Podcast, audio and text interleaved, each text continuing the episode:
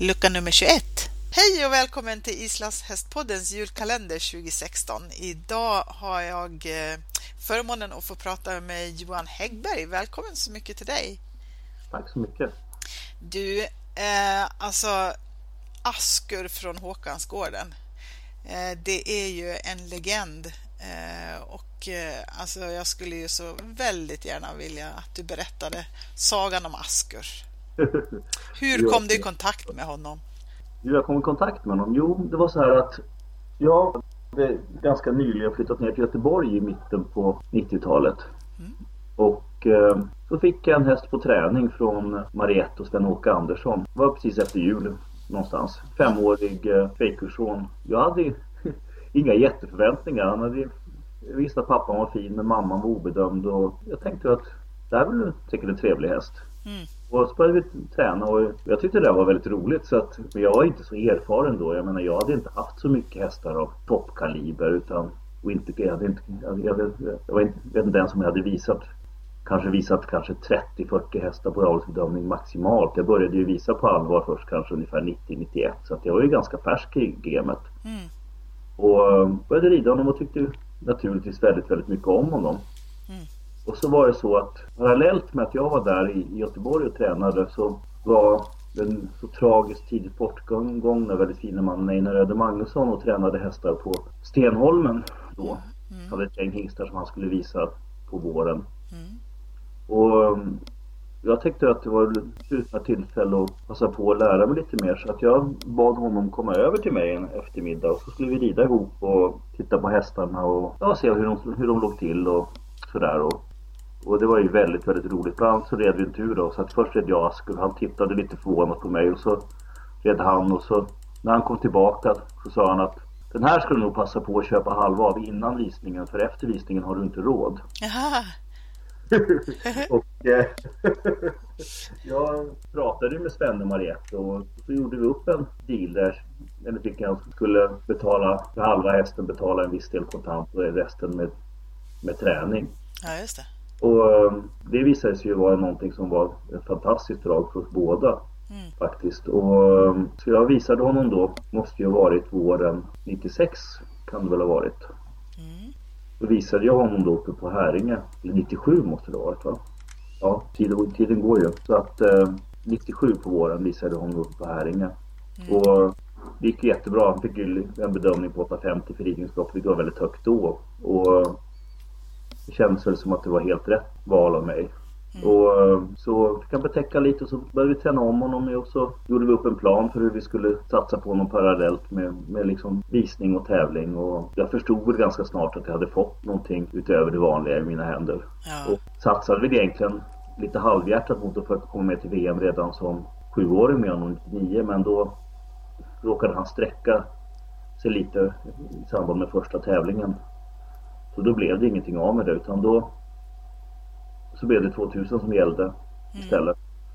Mm. Och sen visade jag om honom igen då 99 och då höjde han sig och blev väl en av, då en av de högst bedömda hingstarna i världen. Inte högst men en av de högst bedömda. Ja. Och det var ju fantastiskt. Då fick han 9-5 för pass.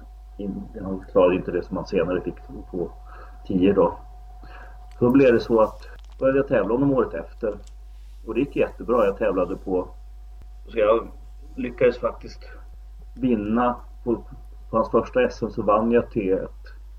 Kom tvåa i femgång med futtiga 300 delar från segern och vann stilpass. Och det var ju en helt fantastisk debut. Ja, ja. Så då såg jag ju väldigt mycket fram emot Nordiska men det blev en väldigt dramatik kring det där därför att jag hade ju, han gick ju med lite ston och eh, så blev det väldigt tragiskt för att det var en väldigt konstig sommar. Det var mycket väldigt regnigt och väldigt konstigt väder. Så att det, I en hage där vi hade haft hästar i 30 år så poppade det upp någon växt som var giftig. Så det blev faktiskt så att ett stod till och med dog och ett, fick, ett räddades precis på Ultuna. Jaha, oj. Och vi visste inte då om jag skulle kunna åka för att det här var precis innan innan, innan jag skulle åka på Nordiska i Seljord. Mm. Och eh, vi visste då först inte vad det var. Det kunde ju vara någonting smittsamt. Ja, just det. Var han, var han sjuk, Asker också då? Eller? Nej, Asker var inte sjuk. Nej. Utan det var två ston ja, som var, blev... Det var någonting. Vi vet fort, man vet fortfarande inte vad det var. Utan vi, det var någon form av förgiftning som gick på njurarna på dem. Och, och vi lät expertbotaniker gå igenom hagen och sådär. Ingen hittade någonting. Så vi fortfarande, man vet fortfarande inte vad det var. Så när hästarna gått där i samma hage. Nu är vi 15 år utan att det hänt någonting. Så det, var något, det var något extremt där. Men det var, mm. det var väldigt tråkigt för dem. Ja. För med de storna som det hade hänt. Men så att det gjorde att jag och en tjej som jobbade hos mig som var uttagen till Nordiska stod standby och visste inte om vi skulle komma iväg eller inte. Och så blev det så att vi fick klartecken. Så då kom, jagade vi iväg till Seljord typ två eller tre dagar senare än alla andra och, och det var ju också fantastiskt för min del. För det, jag, hade ju, jag hade ju tävlat Nordiska. Jag kände jag tillbringade 90-talet i någon sorts liksom, vi kallar det nationell B-nivå kan man säga. jag var med på, tävlade på VM och var i lite B-finaler och sånt. Man var ju aldrig liksom i närheten av de stora prestationerna utan Nej. med liksom. Jag hade jag någon B-final i fyrgång, någon B-final i femgång och, och sådär. Det gick ju ganska bra men det var, ju, det var väl ingen som tyckte att jag gjorde något större väsen av sig. Nej, okay. Men så kom en, kom en masker till Nordiska och det var ju fantastiskt för att då vann jag ju filpassen, kom tvåa i tölt. Ja. Ett. Och eh, kom tre eller fyra i en väldigt, väldigt fin femgångstävling. Så det var ju helt, han gjorde ett väldigt, väldigt intryck på människor. Så att det var fantastiskt och det kände jag ytterligare lite mer att, att här var ju någonting speciellt på gång. Att jag kände att nu kanske man kan, att jag hade liksom någonting i händerna som gjorde att jag skulle kunna slå igenom internationellt. Ja. Det blev ju lite så faktiskt att jag mer eller mindre, jag vill påstå att jag under fyra, fem år naturligtvis levde på hästarna och jobbade med visningar och hade såna hästar som Firkla och så. Men att man kan säga att mitt liv har konstruerat kring det här med mig och Asker i väldigt hög grad. Ja. Och så det första VMet var ju 2001 i, i Weissach i Österrike och det var en massa människor som sa till mig att nu kommer du vinna VM i stilpass och jag tänkte jag, jag har ingen aning liksom. det, det, var, det var väldigt spännande bara och, och det gick ju vägen. Ja. Och liksom inte någon rekordpoäng. Det var fina poäng och så. Men, men så eh, det, det gick ju. Det var ju en fantastisk känsla att få liksom. Det har ju bara, det bara varit en pojkdröm i stort sett att någonsin ta ett VM-guld. Så. Ja. Var det här 03 sa du? Nej, det här är 01. Det är 01, okej. Okay. Mm. Det är 01. Mm.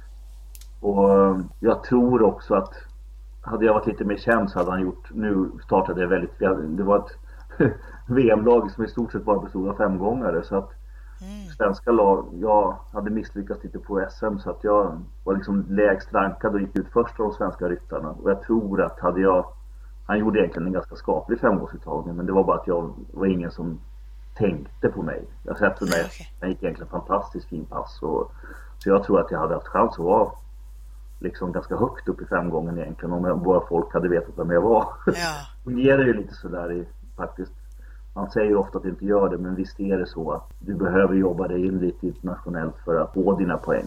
Ja. Så är det. Det är, det är spelets regler. Ja. Och sen så gjorde vi så då 2002 att han eh, fick bara betäcka. Mm. Jag tränade honom hela vintern. Och, och han eh, visades 02, gjorde han det? Ja, han visades 02. Nu stämmer ja. det. Du, du har bättre, bättre koll på det än vad jag har ibland. Ja, jag har ju min goda vän Miriam Horn som, ja. som pratar om eh, Fornboda. Kan det vara ja. det? Och då blev han ju... 861. Ja, och det var ju den högsta bedömningen i världen just då. Ja. Så att det, det fick jag njuta av fram till dess att Vigny Jonasson visade Kaeli på landsmot okay. på sommaren. Så Asker var i alla fall under några månader världens högst bedömda hingst. Ja. Men då fick jag inte heller 10 för pass utan jag fick 9-5 för pass med en väldigt fin bedömning. Och vi gjorde, jag vet att någon av avstommarna pratade om att han fortfarande liksom aldrig kommer glömma den passen. Nej. Så han var ju fantastisk. Men man, det man lätt glömmer med Asker, nu, nu är det så att tittar man på till exempel Nordiska i år så var det ju faktiskt fem avkommor, fem eller sex avkommor efter Asker som med tävlade. Mm. Och de tog tre guld, kombination med Valsa och Magnus Skolason. Mm. Och sen så vann, Torvalder 250 mm. på Hilkner också vann Lovisa Enblom speedpassen på Tövrar. Mm. Men så att det, det är väldigt mycket så att folk säger att han avlar passhästar. Det gör han ju förvisso. Men eh, jag har ju visat fantastiskt många hästar efter Askur och det, det som, är, det som är lätt att glömma bort det är ju det att, att eh, han avlar en fantastisk tölt. Mm. Jag har ju, jag, har ju jag, jag, tror om jag minns rätt att jag bara har visat två hästar med 9-5 på pass efter honom.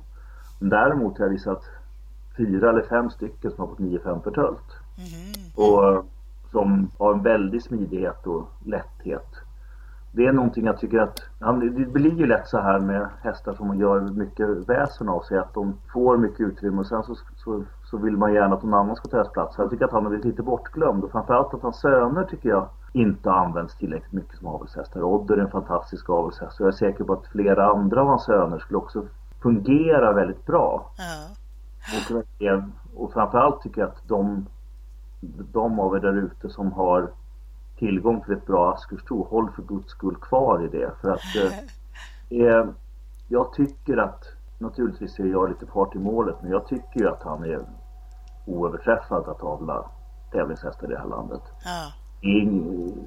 Jag har inte på fötterna för att jag suttit och jämfört så, men, men eh, jag tror ju inte att det är någon annan som har någon annan svensk född hingst eller svensk som har, som har verkat i svensk avel som har givit den här mängden hästar som har deltagit internationellt och den här mängden medaljer internationellt som Askerhästarna har tagit. Och jag menar, jag personligen har ju till exempel, jag tror att det är, bara som ett exempel, tror jag, fyra Askerhästar i A-final på SM i tölt. Ja.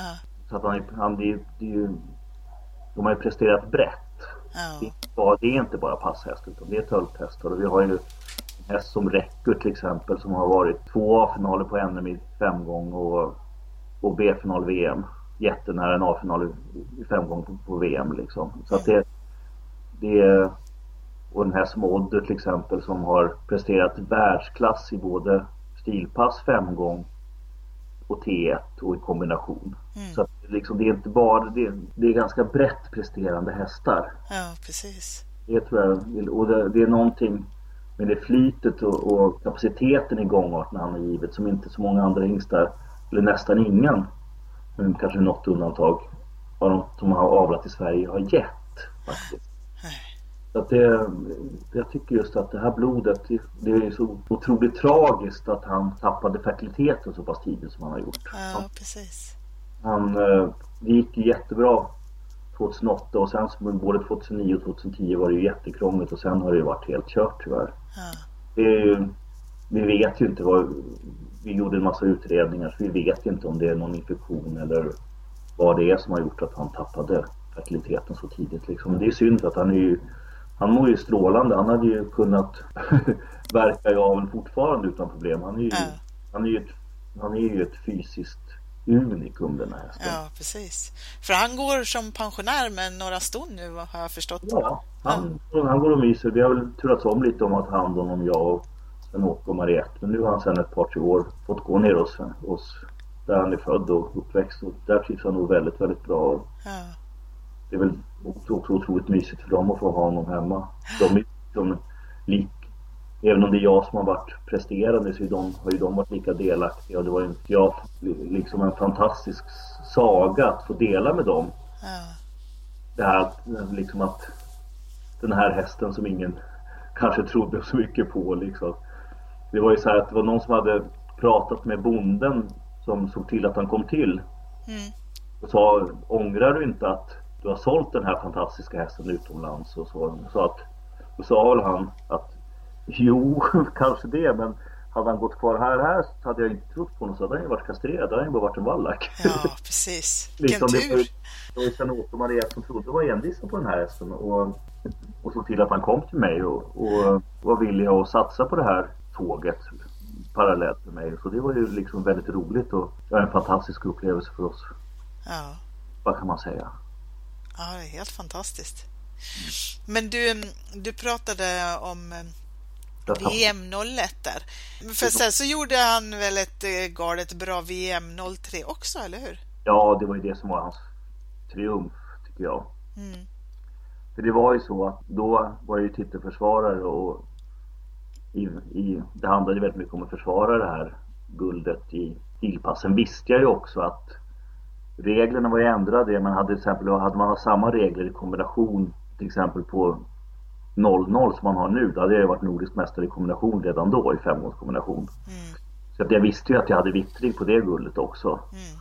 Sen var det så också att det hade inte kommit fram någon riktigt högt bedömd äldre hingst i Sverige det året. Så då tog man lite originella grepp, greppet att man liksom handplockade en hingst. Så då den dåvarande avelsledaren P.A. Finn frågade mig om jag ville åka ner med Asker och kanske avelsvisa honom parallellt. Och det var ju naturligtvis ett tufft beslut. Mm. Men eh, det kändes ju som att han var i enormt praktslag. Mm.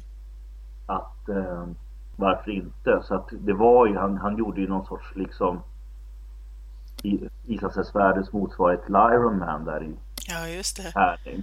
Min första avelsvisning där jag tycker faktiskt att han förtjänade att vinna. Kan man får säga vad man vill. Det var en annan del som vann men jag tycker att han förtjänade att vinna. Ja. Att han, och då fick han ju 10 för pass.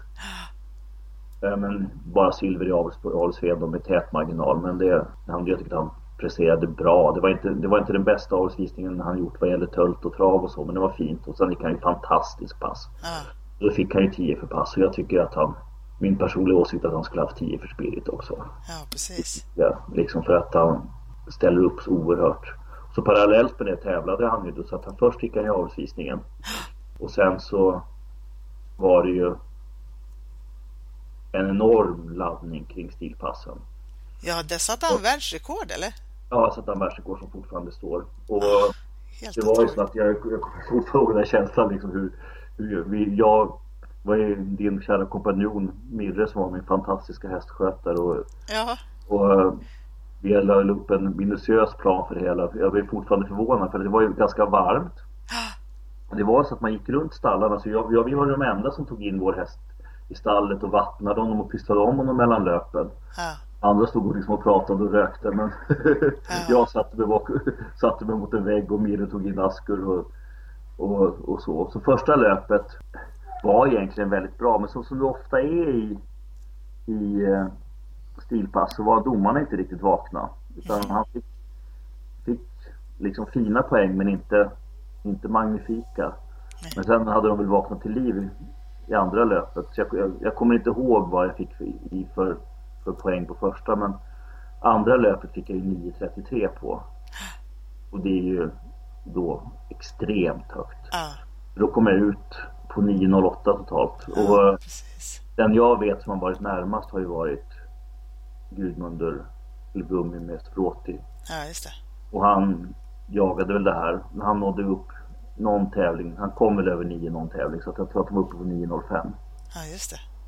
Men uh, det står sig fortfarande och jag tycker ju att vi har haft några svenska hästar. Jag vill påstå att det finns kanske bättre som jag inte har sett. Men jag tycker att de tre bästa stilpasshästarna i, i, genom historien har varit svenska. Det har varit Askur som har, tycker jag, tycker jag var groundbreaking. Mm liksom satt en helt på samma sätt som tycker jag som Johan Skolason har satt nya nivåer för T1 gång på gång så satte. Askur helt nya nivåer för vad det gick att prestera i, i stilpass. Mm. Så var det ju Magnus och Mjölnir. Och så är det Gummi och Språti och det tycker jag är de finaste, vad jag tycker de finaste stilpassekipage jag vet. Mm. Här tre. Det, det är fantastiskt att vi har fått ha tre så, så talangfulla. Landet. Ja, sen tycker jag att det ska bli väldigt spännande om man ändå pratar om det här och se vad som händer med Valsa som Magnus Skola som tävlar nu som är efter, också är efter Askur som, som eh, jag tror kan utvecklas till att bli en helt outstanding stilpasshäst också. Uh. Så jag hoppas att hon ska vinna VM-guld nästa år. Och det, uh. blir, det skulle ju lite kröna Askur-sagan om en, en om en, eh, en avkomma kan komma tillbaka och göra det. Så man, drömmen är ju ett VM där Forward vinner 250 och Kövrar Speed och Magnus Stil. Just det. jag kommer heja på dem nästa år i varje fall. Det ser vi fram emot. Aske fick ett väldigt, han presterade ju enormt bra i stilpassen där. Sen, sen om jag får vara ärlig så tycker jag att tölten och fem gånger var inte mer än genomförda. Han var, liksom, jag kommer ihåg att jag skulle hämta honom till töltuttagningen. Det är första gången jag sett honom. Han stod med huvudet, alltså jag kände mig som lite av en taskmört för att han stod med huvudet inne i väggen och jag tror att han bara var helt slut. Mm. Så vi, vi genomförde töltuttagningen och sen femgångsuttagningen tycker jag var, den var väl sådär. Jag har gjort, jag har gjort sämre men jag har gjort mycket, mycket bättre också. Men det räckte ju till två VM-guld. Och sen så hoppade jag faktiskt in och jag har ju tävlat speedpass två gånger i mitt liv och det är med Askur. Och första gången jag debuterade i speedpass med honom där, vi kom ju trea på VM. Det var ju fantastiskt för det var ju en svensk trippel då. Mm. Med Magnus Lindqvist och, och eh, Tor eller? Ja, med Tor. Mm. Eh, Mjölnir och Askur som etta, tvåa, trea. Mm. Det var, en, det var ju också en av de, faktiskt, tror jag, en av mina absolut mest fantastiska ögonblick i livet när vi, när vi tre skrittade runt på valbanan på prisutdelningen på söndagen till, till den stora, liksom stora svenska publikens jubel. Det var ju mm. en enorm upplevelse. Ja. Ja, sen, sen vilade ju Asker igen 2004 som vanligt så att han fick betäcka fullt ut. Jag tävlade väl lite på våren. Och sen så satsade vi ju på VM i Sverige. Och då var problemet då, det var att det var så otroligt laddat. Jag skulle tävla hemma och det var som liksom då var jag plötsligt, och även om jag var lite favorit i Danmark så var det ännu mycket mer ståhej kring det liksom. Mm. Och, det var ju en enorm, man kan ju säga så att om Ask skulle vara trött efteråt så var jag ännu tröttare efter stilpassen i Danmark. Jag kommer fortfarande ihåg, vi hade, hade bott i en liten husvagn då. När jag, när jag hade ridit så, så liksom klappade jag om Asker och gav honom till Mirre som tog hand om honom. Och sen gick jag och Sen låg jag och tittade rakt upp i taket på, på min säng i två eller tre timmar. Helt liksom. Utpumpad? Ja, helt tom kan man säga. Liksom. Ja. Så det, det blir som, det blir när man konst, ja, men som jag gjorde i den här perioden, när man konstruerar sitt liv kring någonting på det här sättet så, så blir det blir ju enorm energiåtgång. Liksom. Och det var, problemet eh, i Sverige var ju att det var så laddat för då var det så mycket prat om att jag skulle göra en historisk trippel och, och, och så. Och, så då blev han var ett enormt slag. Alltså han var, han var helt Alltså, han har aldrig gått bättre pass än han gjorde då. Och, det var ju så att jag menar, till exempel när jag gick, när jag vann VM i runt eh, 2003 så gick jag i tider på ungefär 8 sekunder. Mm. På, 100, på 100 meterna. Och på, på VM i Sverige gick jag på 7,72. Det vilket är otroligt snabbt.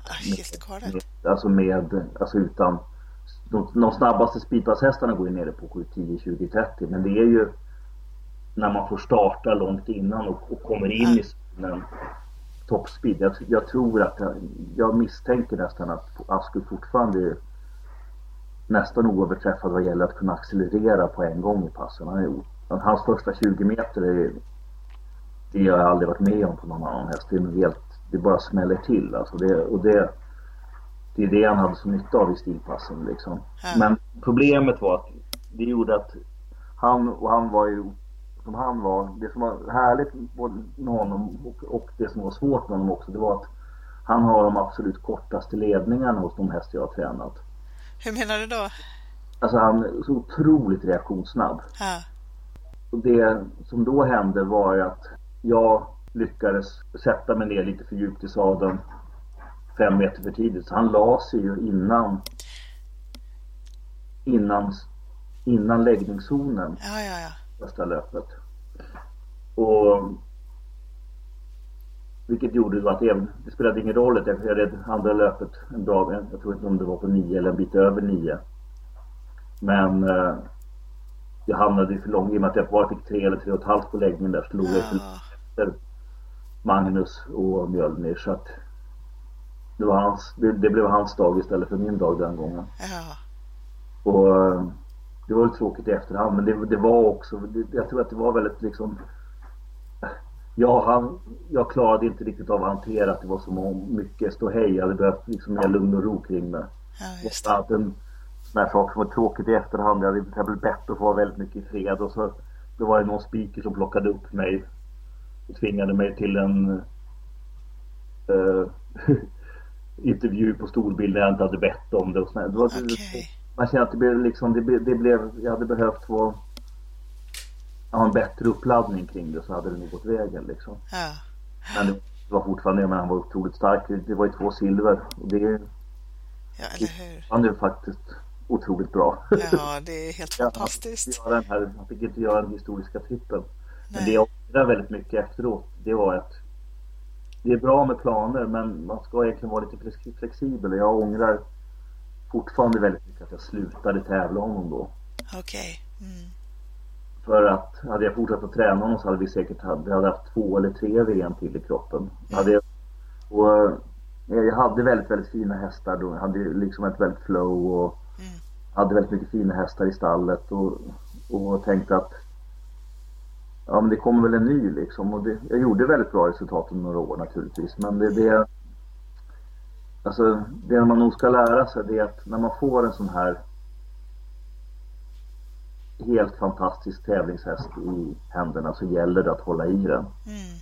Det kommer inte många sådana här. Jag har, haft, jag har haft en hel del fantastiska hästar men någon fler än en Askur får man inte. Nej. Så. Är det den hästen som har betytt mest för dig? Ja, absolut. Jag har haft några ston som jag tycker väldigt, väldigt mycket om som jag kände att jag var väldigt mycket kompis med. Ja. Ja, liksom. Och jag tyckte väldigt, väldigt mycket om hans sonålder med Campede. Alltså var en otroligt sympatisk individ och, och så här. Men att det är klart att den liksom relationen jag byggde upp, byggde upp med Askur var ju speciell. Men sen, han var, han var, han är också en speciell karaktär. Va? Han är väldigt stolt, väldigt mycket, mycket, mycket, mycket integritet och är snäll och vänlig. Men han liksom han har inte riktigt tid för dig. Okay. alltså, liksom, han, det är klart att vi hade en jättebra relation. Men han liksom... Det, och vet Mirre till exempel som skötte honom under de här åren. Hon älskar ju honom liksom. Och, och, men... Men... Eh, man blir, blev aldrig riktigt... Jag ska, jag ska inte påstå att jag liksom var intim med honom som jag blivit med en del andra hästar. Nej. För att han... han liksom han tolererar den. Ja. Men han har inte riktigt tid för det. Han har annat för sig. kan man säga. Eller hur? Jag, jag ska förklara det. Men han är, liksom, han är inte spänd och inte rädd för det. Eller, Nej. Men han eh, har så otroligt mycket alfahane och eh, liksom kvick i reaktionen och väldigt, väldigt stark i karaktären. Så att han... Man, man liksom... Du, du dominerade aldrig honom eller liksom han... Han, han är liksom... Han, han var sin egen.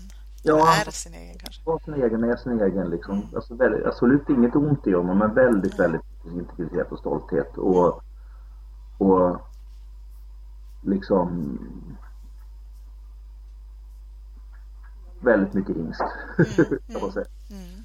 Att eh, det, det var det var inte den hästen som man, det är inte den häst jag varit Även om det kanske är den häst jag tillbringat mest tid med så är det inte den häst jag varit närmast. Vilket kan låta lite märkligt men det, så är det nog faktiskt. Mm. Jag, jag, tycker väldigt, jag, tycker, jag älskar honom naturligtvis. Jag förstår det. Ja, häftigt. Mm. Du, han, går, han är pensionär nu som sagt ja. eh, och går med, med några ston. Men eh, för jag tänker 2017 hur det ser ut för honom. Men eh, han, eh, hans avkommor, du pratade om Valsa där bland annat. Ja.